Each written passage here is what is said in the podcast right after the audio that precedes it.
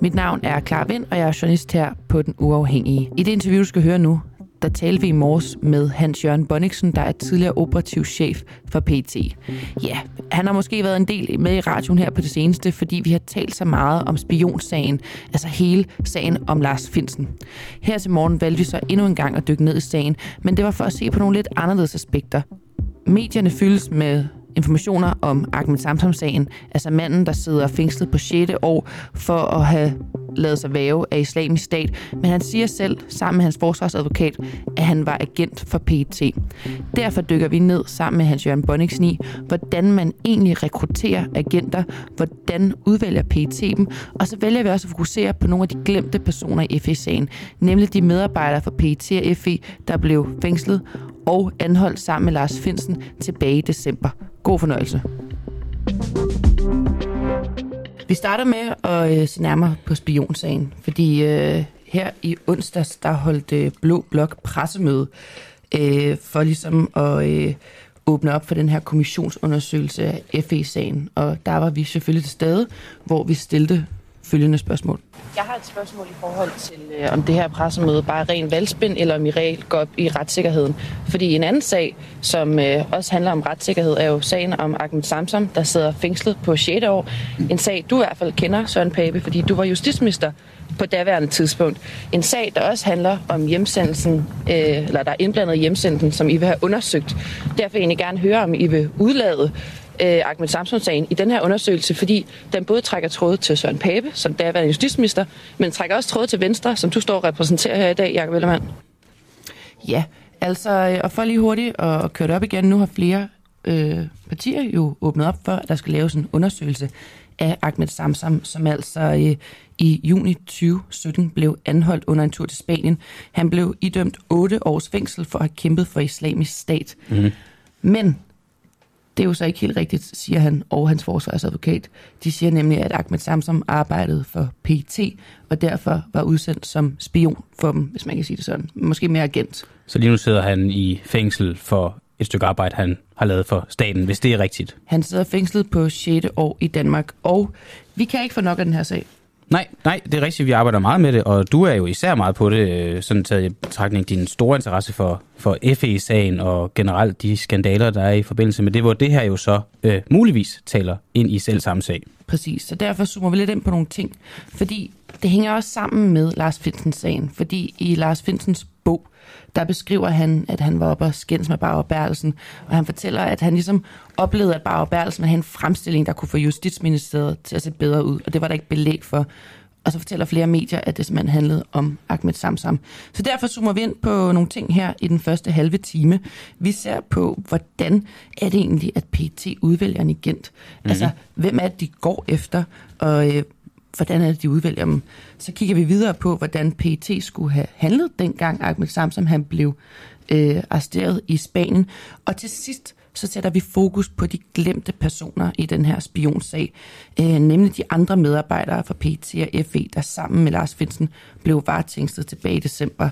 Og til at hjælpe os med det, så har vi jo en person, der selv har haft fingrene i bolledejen og ved i hvert fald noget om det her. Godmorgen, Hans Jørgen Bonniksen, operativ chef for PT. Eller Godmorgen tidligere, selvfølgelig. Godmorgen til jer begge. Godmorgen. Øhm, Bodiksen, vi skal jo igennem nogle forskellige ting for at simpelthen blive klogere på nogle aspekter af den her sag. Men jeg tænkte på, om du ikke kan starte med at fortælle lidt om, hvordan PET udvælger agenter. Det vil jeg meget gerne. Det, det er faktisk en ret kompliceret øh, proces, men også en proces, som jo i sig selv øh, næsten peger frem mod konflikter først og fremmest skal man gøre sig en ting klart, at hvis man skal finde en brugbar agent, så er det altså ikke direktøren ude i Gentofte eller smedemesteren over i Bylderup Borg i Jylland. Det er altså personer, som, som befinder sig i de kredse, som PET nogle gange overvåger. Det kan være personer, som relaterer sig til øh, hele terrorområdet. Det kan være personer, som, som beskæftiger sig med, med yderliggående ting, hvor man satser på at underminere til danske værdisæts osv.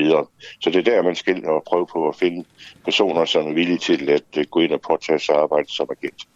Og det kan så ske på, på flere forskellige måder. Et af dem for eksempel i forbindelse med den generelle overvågning, er, hvis af de her miljøer får en fornemmelse af, at det er konflikter, Det er nogen, som giver udtryk for, at den ledelse, man bliver udsat for, det er ikke lige den ledelse, man ønsker. Og så prøver man på at udnytte det potentiale, der ligger i det, ved i første omgang at lave en meget, meget, meget forsigtig kontakt til pågældende person. Prøve på at lige finde ud af, hvad han, hvad han indeholder, og hvilke muligheder han har for i det hele taget at arbejde for access. Det er det, man kalder kultiveringsfasen. Og en sådan kultiveringsfase, den kan faktisk strække sig over meget, meget, meget lang periode hvor man på sin vis forsøger på at opbygge tillidsforhold. Et tillidsforhold, som selvfølgelig skal være afsat for, hvorvidt pågældende kan værves, og det værste udtryk værves som agent.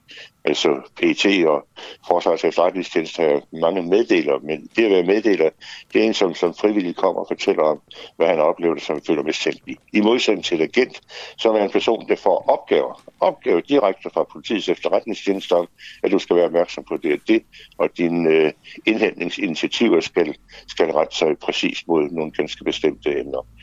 Når man kommer så vidt, at man har foretaget de her vurderinger, så skal man også ind og foretage en, en vurdering af risici i forhold til det at bruge en agent. Risici til, hvis der så frem til så falder, han pludselig bliver afdækket af de personer, som man, som man nu er jo i modsætning til, hvordan får vi ham ud, hvordan får vi ham øh, på sin vis øh, i hvert fald fri for, for, for, for skadevirkninger i forhold til en eventuel opdagelse. Men også i forhold til, hvordan kan vi os i det øjeblik, at pågældende, og det sker jo en gang imellem, at de pågældende personer går til pressen og prøver på at fortælle, at de har været kendt i så, så mange år. Hvordan håndterer vi den sag der? Og hvis det alt sammen går op i en højere enhed, og øh, også en test af personen i forhold til, øh, hvordan gebærer han sig i øvrigt, jamen så bliver det forelagt for Ja, den allerøverste ledelse i politiets efterretningstjeneste i sin tid var det så politimesteren og så mig, som gik ind og foretog en vurdering af, hvorvidt pågældende kunne bruges som agent. Så hvis det så var tilfældet, jamen, så blev man værvet, og det er så også ens betydende med, at man kan give ham opgaver. Det er ens betydende med, at han også får dækket sine omkostninger. Det er ens betydende med, at han også får en vis lønafregning. Det er sådan i, i, i, i korte træk i hvert fald øh, den måde, man, man værver en agent på. Hvordan eller hvor meget får sådan en agent cirka i løn om måneden? Jamen, det er jo, det er jo en meget stor forskel på. For det første har man en meget klar forudsætning, som mange andre tjenester faktisk ikke har. Vi leverer aldrig nogensinde ydelser til pågældende, med mindre han har leveret en vare. Så det bliver vurderet i forhold til varens betydning. Altså varens betydning set i forhold til det, som nu er PT's opgave at forebygge, modvirke og forhindre terror for eksempel. Kigger I også på øh, i forhold til deres baggrund? Altså er det psykisk øh, ustabile mennesker, er det kriminelle? Altså har I nogen, hvor I tænker, øh, sådan nogle her vil vi ikke have med? Altså hvis de for eksempel er for ustabile? Ja, men det, det, det, det er klart, at den, den psykologiske profil er jo helt, helt afgørende. Det øjeblik, vi se at en, en person, som, som du selv siger, befinder sig på, på et, et psykisk ustabilt niveau, jamen så vil det være særdeles risikabelt, både i forhold til øh, PT, men i højeste grad det, man skal værne om i første omgang, det er der selvfølgelig agentens liv, vel og, og, og velfærd. Så det, øh, det er også betydende. Men, men som sagt, så er det jo ikke, det er ikke de, de, de, de pænt polerede personer, som, som, som befinder sig i, i Hellerup, eller øh, for den sags skyld i Byllerup Det er altså personer, som, som meget ofte har en kriminel fortid, og som befinder sig i de miljøer, som, som politiets efterretningstjeneste nogle gange overvåger. Nu siger, sagde du det her før med, at øh, de får ikke nogen, øh, der er ikke nogen, de får ikke nogen løn, før de har leveret varen. Vil det sige, at man kan arbejde som agent for PET i et år, men så ikke levere noget konkret, og så, er, så får man ikke løn for den arbejdsperiode? Det er ens betydende med, at vi selvfølgelig dækker vi alle de omkostninger, som er forbundet med, med pågældendes aktiviteter, men, men vi betaler ikke for noget, som vi ikke ved, hvad er. Altså, mm. Det skal leveres en vare, for at man overhovedet kan komme ind, at de betragtet som, som en, en agent, som, som er værd at arbejde med. Er der på noget tidspunkt, at øh, Justitsministeriet eller øh, departementchefen i Justitsministeriet bliver øh, gjort opmærksom på de agenter, man har udsendt? En hver opgave i PT, som har en vis betydning, det står faktisk i PT-lovens paragraf 1. Det er ens betydende med, at den til enhver tid siddende departementchef i første omgang, det er ham, som er den reelle leder af PT, og ikke politimester, det skal man lige være klar over. Altså chefen for departementet, justitsdepartementet, han bliver altid orienteret om den slags sager. Altid. Okay, så det vil sige, at øh, så fremt Ahmed Samsom nu har været dansk agent, så vil de i departementet være blevet orienteret om det? Efter min opfattelse, uden tvivl, ja. Okay. der var jo for eksempel det, du siger med, at de går ud i medierne. Jeg kan jo huske, der var den sag om Morten Storm, øh, som jo gik ud... Øh, jeg ved ikke, om han var en af de første, men han gik ud i Jyllandsposten og øh, fortalte om hans agentarbejde. Det blev nærmest lavet som sådan en Hollywood-historie om, hvordan han øh, modtog øh, julekort fra hans øh, kildefører. Og, altså en, en, en sag, der virkelig påvirkede PT på daværende tidspunkt. Hvordan undgår man, at de kilder, man har, gået i medierne? For det første skal vi lige være opmærksom på, at øh, Morten Storm, det er jo, det er jo et partsindlæg. Altså selvfølgelig vil man da fremtræde som, som, som en Hollywood-hotel. Det kan jeg godt forstå. For det er altså, det kommer vi ikke ud af, det er et risikabelt område, de, de beskæftiger sig i. Når man helst er så mange rykkerklap som, som, som, som overhovedet muligt. Jeg vil sige, at øh, det, som, som udfordrer sig i hverdagen, det er, at man har faktisk øh, en person, som man kalder det agent runner, altså personen, som har direkte kontakt til agenten, og så har man det, der hedder agent controller. Og det har man netop for, at man ikke skal komme i nogle situationer, hvor man kommer alt, alt, alt for tæt på, på den person, man nu fører som, som, som agent. At der opstår et, et, et forhold mellem de to, som, som gør, at man måske kan gå ind og stille spørgsmål ved en professionel førelse af agenten. Så på den måde er anlagt nogle, nogle indbyrdes kontrolforanstaltninger, som skal medvirke til, at tingene ikke kører fuld, fuldstændig Øh, af sporet. Så, så det er et spørgsmål om, at man både finder en ordentlig agent, men i allerhøjeste grad også er i stand til at finde øh, nogle ordentlige personer, en agent runner, som er i stand til at holde en høj professionel standard, og så selvfølgelig også vide, at han skal være genstand for, for, for kontrol hele, hele forløbet igennem. Men, men, men altså, det er mennesker, vi er med at gøre, og det er mennesker, som befinder sig i, i yderområderne. Det er alle vi andre beskæftiger os med. Øh, det er så ens betydende med, at også en gang imellem sker nogle, nogle fejl og nogle, nogle brister. Og jeg vil sige, at Morten Storm er absolut ikke den eneste, hvis vi går tilbage til historien, så vil man næsten se, at ligegyldigt hvilken efterretningstjeneste man kigger på, sådan cirka hver 10 år, så er det egentlig ud og, og, og, og fortæller om, han er været agent, eller en, som, som bliver, bliver, bliver afdækket. Det er, det er vilkårene, og, og, og, og desværre må konstatere, det er også det stærkeste, ikke desværre konstatere, men det, det stærkeste redskab er jo i princippet i forhold til det, der var sin opgave. Det er faktisk, at man, man har agenter, som sidder og forestiller, de sidder direkte inde i Osama Bin Ladens inderkreds og er i stand til at fortælle os, som skal forebygge, modvirke og forhindre, hvilke planer de har. Det er det stærkeste redskab, men også det mest kontroversielle redskab, man har i efterretningstjenesten. Ja, fordi selvfølgelig er kilderne jo også mennesker, men jeg tænker også, de kildefører, der er, altså øh, uh, runner, som du snakker om, det er jo også mennesker.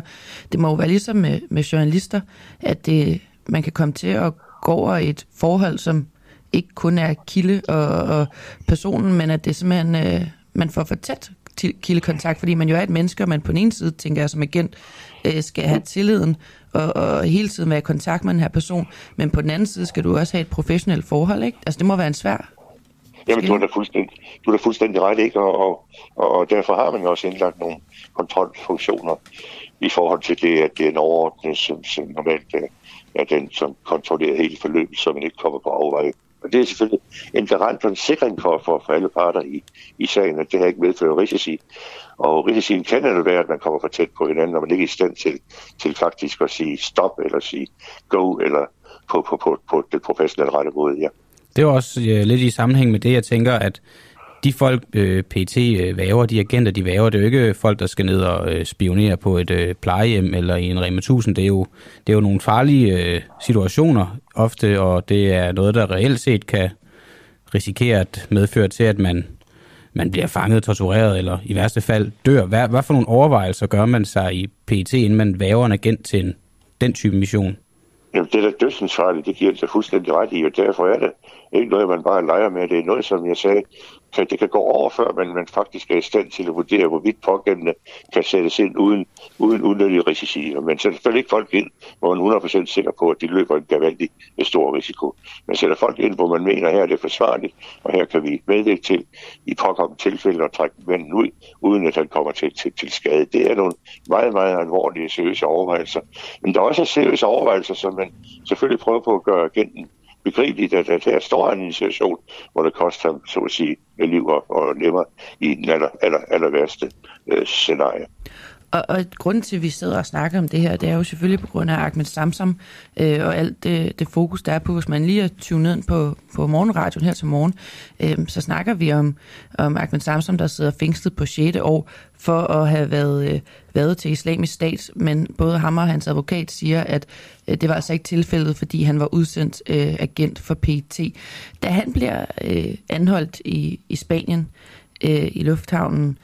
Bonniksen, hvad, hvad skulle man som dansk efterretningstjeneste have gjort? Jamen, det er afhængigt af, om dansk efterretningstjeneste får besked om, at han er anholdt, og på hvilket tidspunkt man får besked om det. I det øjeblik, det drejer sig om et meget, meget tidligt forløb i forbindelse med en anholdelse under mistænkt for terror, og pågældende person går ind og fortæller dem, som anholder ham, at øh, jeg er ganske rigtigt være i nogle områder, nogle billeder, som kan medføre, at jeg er under mistanke, men I skal være klar over, at de opgaver, jeg har udført, de er faktisk udført i forhold til, til øh, ja, gavn og glæde for hele den vestlige verden. Jeg er faktisk været som agent af politiets efterretningstjeneste. Og hvis man får den besked, jamen, så er der kun det at gøre for en pågældende politimyndighed. Det er selvfølgelig ret henvendelse til den myndighed, som man påstår har været ham, og finde ud af, hvad er i det. Og hvis man retter sådan en henvendelse, så man kan se, at det her det er faktisk en af vores agenter, jamen så har man da en pligt, efter min opfattelse i hvert fald, en pligt til at gøre alt, hvad det er menneskeligt muligt, for at gøre det pågældende anholdende myndighed klart, at det her er vigtigt tale om en agent. Og det første, jeg vil gøre, det vil da i hvert fald sørge for at sende nogle kompetente personer med juridisk bistand, eventuelt med bistand fra Justitsministeriet afsted til pågældende område og gøre det begribeligt, at sådan forholder sig. Jeg prøver på at fortælle, at her har vi alle sammen en fælles interesse. Det er også for ham trukket ud af en potentiel straffesag. Og øh, jamen, øh, det lykkes også som regel. For det, de har jo også forståelsen for, at de bruger også agenter. De har også forståelsen for, at alle sammen er i en, en god fællesagstjeneste. Sådan bør man reagere. Ja, og man snakker om nu, at øh, det var der flere, især Berlinske har jo virkelig øh, kunne, kunne øh, sætte fokus på. Fantastisk veldokumenteret research, ja. Det må man sige, og de fortæller jo også om, at PET faktisk prøvede på et tidspunkt, men at de simpelthen kom for sent. Altså er der simpelthen ikke noget at gøre, hvis man som efterretningstjeneste, altså øh, det lyder jo meget banalt, men kommer for sent til at hjælpe en agent. Altså nu sidder han jo fængslet i Danmark på 6. år. Kunne man ikke have gjort noget i, i den her mellemløsning? Jamen, altså, man skal da gøre alt, hvad det overhovedet er, er menneskeligt muligt. Man skal da påvirke alle de systemer, som nogle gange skal påvirkes. Det vil sige både gennem Justitsministeriet, gennem Udenrigsministeriet, og på den måde forsøge på at forhindre, at det her ikke udvikler sig til et justitsmord. Man skal lige være klar over, at uh, det findes faktisk bestemmelse i den danske straffelov, som siger, at hvis man uden nødvendig ophold, uden risici for sig selv, øh, har viden om, at noget kan føre frem til et justitsmord, så har man faktisk pligt til at medvirke, at den slags ting ikke sker. Og hvis man så holder sig tilbage, ja, så er man faktisk også strafmærdig. Så jeg vil sige, under, under hele forløbet burde man faktisk have gjort en, en, en indsats. Og øh, det er jo ikke i stand til at vurdere, hvorvidt man har gjort det eller ej, men jeg kan bare se, at, at den dokumentation, det research, som med det brave hold på verdenske Tiden har, har udført, at det, det ligner en meget, meget, meget stærk dokumentation. Men, men nu håber jeg, at det er også det, som jo heldigvis har løftet sig op nu, at den undersøgelseskommission vil være i stand til at finde ud af, hvad hovedet er i den her sag her. Men som jeg læser det, der svarer man jo faktisk ikke på, på spørgsmålet fra La Guardia Civil, som er den anholdende øh, myndighed. Man svarer ikke på, på, på, på vidt øh, det, som, som Samsam nu fortæller dem, er jo en rent faktisk. Og der må jeg nok erkende, hvis man ikke gjort det, så føler jeg faktisk, at man har, har svigtet. Mener du, der er begået justitsmord? Det kan jeg jo ikke svare på, vel, men, men der er nu en undersøgelseskommission gå ind og, og vurdere, vurdere, hvorvidt det her tilfælde. Jeg tænker, nu sagen om Agten Samson, den, blev, den er jo blevet offentligt kendt, det blev den også der tilbage. Havde det gavnet hans sag, hvis den ikke var blevet offentligt kendt, og PT kunne have lavet noget mere arbejde under radaren? Ja, selvfølgelig i allerhøjeste grad. Det er det ingen tvivl om, at jo, jo, jo, jo mere jo mere tavshed der om jo mere sagen er mørkelagt i forhold til den slags ting, jo større mulighed er der selvfølgelig for at hive ham ud af, at det, det, det, det, det underlige mørke hul, han er placeret i. Kan man så sætte en finger på, hvis fejl det er, at den blev så offentligt kendt? Nej, nu, nu er jeg meget nødig også at blive, blive, blive mm. den, der skal fælde, fælde dom i den her sag. Lad nu undersøgelseskommissionen få fri ro til at uh, mm. finde ud af, hvad hovedet af alt det der. Ja. Vi skal være klar over selvfølgelig, Samsons advokat, de, de taler selvfølgelig, det er deres partsindlæg øh, understøtter, det kommer ikke udenom, understøtter af Berlingske Tidens øh, velgennemførte research, deres dokumentation for, hvad, hvad, hvad det er foregået. Men, men bundlinjen i forhold til, hvem der har skyld eller uskyld i sagen, det vil jeg nødigt beskæftige mig med. Nu er der jo mange partier, der er gået med til, at der skal laves en undersøgelse, og vi har i længere tid også prøvet at spørge Socialdemokratiet, om de egentlig altså overhovedet ved, hvem Ahmed Samsom er, og øh, var han dansk agent. De har jo ikke støttet op en undersøgelse endnu. Jeg ved ikke, om jeg kan spørge dig om det, men kan de støtte op om en undersøgelse, eller vil det så bekræfte, vil det så bekræfte, at han har, der er noget, der er gået galt? Altså, kan, kan de på nuværende tidspunkt gøre det, eller vil de bare ved at sige ja til en undersøgelse, så man øh, svigte deres tavshedspligt og bekræfte, at, han, at der var noget, der er gået galt i hans sag? Nej, jeg mener, at i det øjeblik, at man formulerer et, et, et ordentligt kommission i forhold til, til undersøgelsen, og man finder de rette folk, men det gør man jo, det er uafhængige personer, meget ofte landsretsdommer, måske støttet af, af andre former for, for, for ekspertise, som gennemgår en, en, en, en en sag meget nøje. Jeg husker at sin tid, vi havde en sag i, i PT, som også blev gjort til genstand for en kommissionsdomstolsundersøgelse. Den var 10 år før kommissionen kom frem til et resultat med 3.600 siders øh, dokumentation i forhold til deres undersøgelse, som i hvert fald øh, for mig og for alle læsere, hvis nogen helt sikkert gad læse det, var ensbetydende med, var ensbetydende med, at her var vigtigt gået grundigt til værks. Det her er jo meget vigtigt, at det her det kommer til at foregå lynhurtigt. Også fordi, at øh, jo længere tid det går, jo, jo, jo sværere vinudsavn vil det altid være, men, men også af hensyn til, til personen selv og hensyn til, til erstatningskrav, og så af hensyn til det, som er helt overordnet, og som min mission i sagen her, det er, hvordan indgår den her sag i realiteten i forhold til både Lars Svendsen, i forhold til alt det andet, som, som, som er foregået. Det er jo det, der er interessant. Det er det, der er afgørende. Ikke alene i forhold til de pågældende personer, men i allerhøjeste grad afgørende i forhold til den fremtid, som, som nu former sig, og hvordan man skal gebære sig i forhold til agenter. Ja, det er også det, jeg tænker lidt på, at med de her sager, der kører i offentligheden lige nu, så øh, sås der også en masse tvivl til vores øh, efterretningstjenester, og med denne her Ahmed Samsams sag øh, i baghovedet, kan vi så kan vi stole på PET? Jamen, på sin vis, jeg kommer ikke udenom, at, at jeg kommer til at meget stærkt give udtryk for, hvordan jeg har lige i øjeblikket, men mm. jeg håber på, at det kan genoprettes. Edgar Hoover, den brygte FBI-chef, sagde på et tidspunkt, at 80 procent af al efterretningsvirksomhed, det udføres af tober for idioter, er forfølgelsesvandlige. Det er meget, meget, meget barsk og, og, og, og stærkt citat. Men ikke desto mindre, så hele det forløb, som, som jeg nu har fulgt på, på alle tætteste hold, hvor jeg kender nogle af de personer, som er inde i det, altså der må jeg nok erkende, der kommer jeg meget, meget, meget tæt på, på det, som Edgar Hoover, som jeg aldrig nogensinde har forestillet mig skulle komme tæt på, på sin, sin, på sin side, kan udtryk for. Og det er jo også dem, vi skal fokusere lidt på nu, Bonniksen, fordi der er jo ikke nogen tvivl om, at øh, den person, der er blevet sat allermest fokus på, det har været Lars Finsen. Han har været hovedpersonen i den her sag. Der er nu, øh, det jeg har lavet en dokumentar, øh, han har skrevet en bog, der er blevet skrevet en ekstra bog om ham.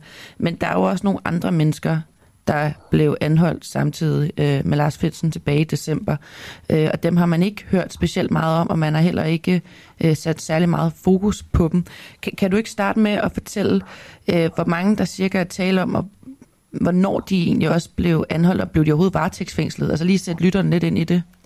Det blev i forbindelse med anholdelsen af Lars Finsen, som, som jo er ganske rigtigt, og selvfølgelig også med en vis ret, han er fra spionchefen af dem, der indtrådt som, som hovedaktør, i hvert fald i de beskrivelser, vi har fået ind til dags dato.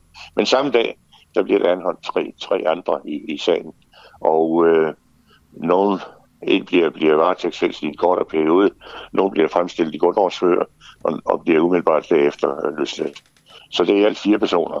Og der ved vi på nuværende tidspunkt, at øh, det stadigvæk er to personer, som det ikke har taget stilling til, hvorvidt øh, det skal rejse tiltale eller ej.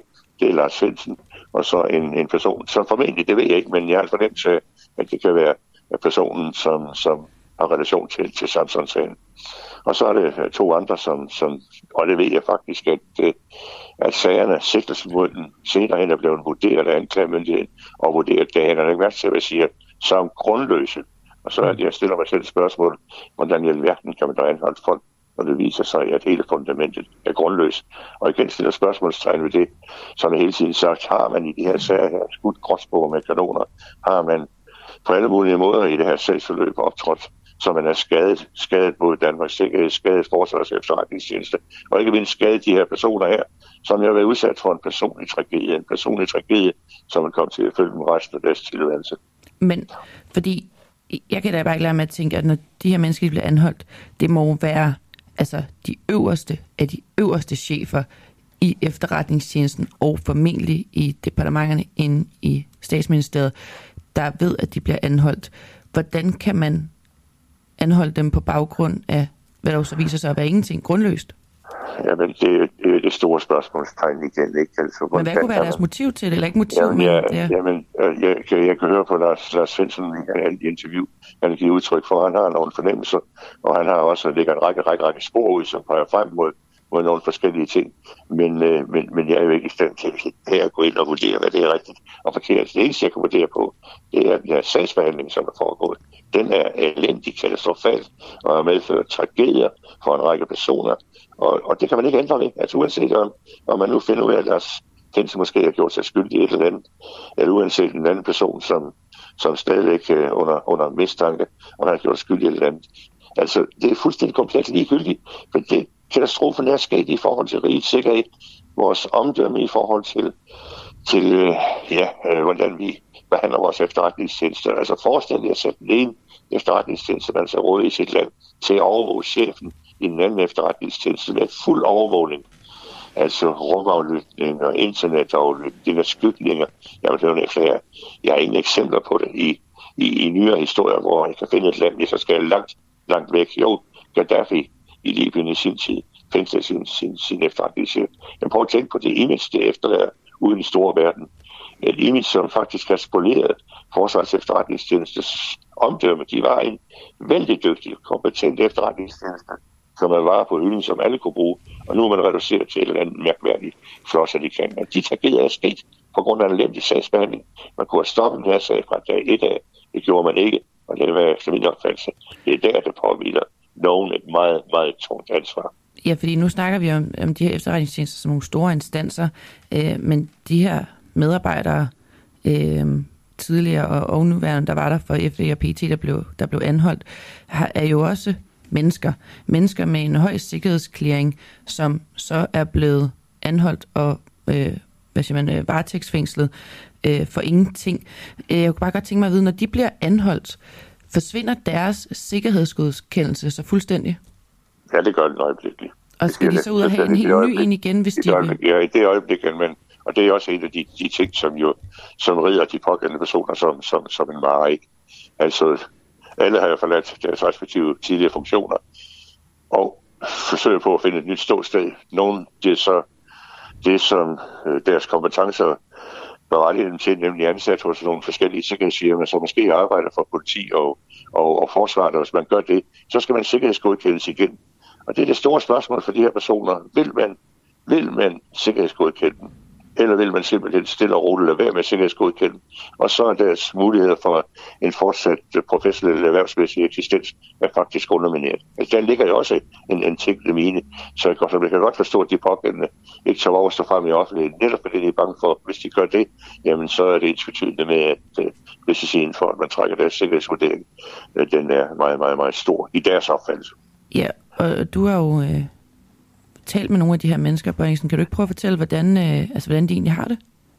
Jeg har jeg jo. ja, er altså tre af de personer, som er involveret i de fire anholdelser personer, som jeg i sin tid har, har haft øh, ja, i, i, i den tjeneste, jeg forrettet i, i politiets efterretningstjeneste. Godt og godt at sige det rent ud. Nogle har det er i stand til, til at håndtere situationen bedre end andre, men nogle har altså også kæmpe, kæmpe, kæmpe store problemer og føler sig på alle mulige måder efter mange, mange års trofast tjeneste misbrugt, misbrugt og på sin vis øh, kasseret. Så, og det siger selv, at loven nærmer sig faktisk et, et niveau, som hedder, men øh, er under pres, traumatisk stressdisorder. Og det, det var også lidt det, vi snakkede om sidst, altså, øh, det, er jo, det er jo helt vildt at, at høre, må jeg bare ærligt sige, det her med, at det har øh, så, øh, så øh, slemme konsekvenser, at det simpelthen kommer op og snakke om øh, PTSD. Men der må jo også sidde mange af deres kollegaer, øh, altså det må sprede sig ud helt vildt som en steppebrand, også inde hos deres kollegaer i efterretningstjenesten, der er der nu. Ja, hvor er det godt, du, du minder mig om det efter den der lange, lange, lange samtale, vi har der nu. For det siger så også selv, at det psykiske arbejdsmiljø i en organisation, som er udsat for det her pres her, deres øverste chef fængsel. Nogle af deres medarbejdere også fængslet og mistænkt for, for nogle af de alvorligste forbrydelser, der kan foregå, når man er ansat i, i en efterretningstjeneste. Men også ikke mindst på grund af det, som, som jo måske afsæt til hele sagen. Man havde en whistleblower, som i mange, mange år øh, gik ud og foretog skjulte optagelser af samtaler med de forskellige medarbejdere. Og øh, uden at de vidste. Og der kan man da meget vel komme til at sige nogle ord, som, som man måske ikke ønsker at blive, blive gentaget. Vi skal lige være klar over, hvis de gensidigt vidste, hvad vi gik og sagde om hinanden, jamen, så fandtes nok ikke to venner på denne jord. Og i sådan en samtale kan man da vel komme til at udtale sig på en negativ måde om, om, om chef, om sine kollegaer og den slags ting. Og det ligger altså på bånd, og det ligger faktisk øh, dokumenteret i Forsvars efterretningstjeneste i forbindelse med de undersøgelser, der er foregået. Jamen, alene tanken om, hvis nogle af de ting bliver, bliver, bliver offentliggjort, det vil da vedvægt til, at man, man, man føler sig utryg. Så, så på alle mulige måder er det en, et moras af, af, af ting i, i Forsvars efterretningstjeneste. Det ved jeg, det er Lars Svendsen faktisk også bekræftet i skille interview at i øjeblikket der er, der er stemningen altså ikke særlig god i, i, i, i Forsvars efterretningstjeneste. Og når jeg er belastet på den her så måde, jamen så er det jo ensbetydende med, at øh, man ikke er i stand til at være 100% Man er ikke i stand til at udføre det ellers højt professionelt begavet arbejde, som man udført senere, når hele organisationen faktisk øh, øh, befinder sig i en form for traume. Det er også øh, det er lidt i sammenhæng med det, der kommer bare til at tænke på det citat, det var du nævnt før af J. Edgar Hoover, tidligere direktør for FBI. Nu kan jeg ikke huske, om jeg lige citerer det helt lige så korrekt, som du gjorde, men du sagde noget, eller at de mennesker, der arbejder i de her efterretningstjenester, det er, det er personer, der lider af, af forfølgelsesvandvid. Var det nogenlunde sådan, du sagde ja, jeg siger, jeg, jeg siger, at 80 øh, procent af alle efterretningsarbejde udføres af, af torper for personer, der ja. lider der lider af paranoia. Ja, præcis. Og så kommer jeg bare til at tænke på, øhm, om det er, er arbejdet, der skaber de her mennesker, eller om det er den type mennesker, der søger sådan et arbejde her? Ej, jeg, jeg vil nok sige, øh, øh, jeg brugte det her citat, og det er, det, det er et meget groft citat, ja, ja. men jeg brugte, jeg brugte det som et eksempel på, at det er nogle af de tanker, som strejfer mig mm. i forhold til hele situationen her. Altså hele FE-sagen, at det strejfer mig.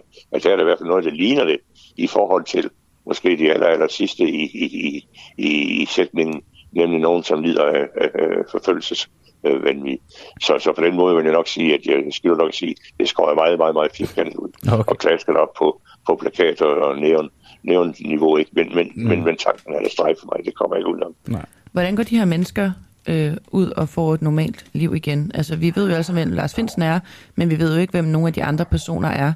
Altså, øh, hvordan kommer man ud og får et normalt arbejde igen efter det her? Eller normalt i godsetegn? Jamen, jamen, det er da svært i allerhøjeste grad. Jeg håber, de har øh, vældig god støtte, ikke mindst i forhold til deres øh, familie. Jeg håber også, at det er nogle af deres kollegaer, som, som, som har et større, større indsigt i hele området, som kan medvirke til at øh, også give dem en skulder eller en, en, en støttende hånd. Og så håber jeg frem for alt, at den undersøgelse, som nu bliver iværksat, at den kan medvirke til at give dem, give dem det endelige punktum, som fortæller, at deres andel i sagen øh, måske ikke er, som, som den fremstod, nemlig at man en af de gråsprog, som blev skudt med kanoner. Jeg, jeg tænker også bare lige, altså ja, øh, PTFE er jo et øh, vildt sted at arbejde, der foregår meget hemmeligt og alt muligt andet, men det er jo også en arbejdsplads, som alle andre steder, hvor der er pension, der er ferie, der er alle mulige ting. Kan de her mennesker øh, egentlig slæbe efterretningstjenesten i, ind i en sag om arbejdsskader? Ja, og det er der nogen, det, det har forsøgt for Morgen Storm, som du nævnte tidligere, agenten der, har faktisk kørt, kørt, kørt en arbejdsskadesag. Og øh, jeg ved også, nogle af de personer, som, som vi har talt om her nu, også vil forsøge på at gå den vej, ja. Okay. Jamen, uh, Bonniksen, tusind tak, fordi du vil være med i så lang tid til at gøre os klogere og sætte et fokus på det her. Jeg beklager, at jeg blev næsten tør i munden, men jeg medvirker gerne til oplysning, så have en god dag og god weekend. I lige måde, tak. Tak fordi du lyttede med. Hvis jeg må komme med en lille anbefaling til et andet interview fra morgenstunden, så vil jeg lytte til interviewet med politisk rådgiver i Amnesty, Annette Stubkær, hvor min kollega Christian Henriksen interviewer hende om migrantarbejderne i Katar, fordi nu er der jo snart under en måned til, at VM løber af stablen. Ha' en god dag. Du har lige lyttet til den uundgåelige fra den uafhængige. Tak til vores medlemmer for at gøre det muligt.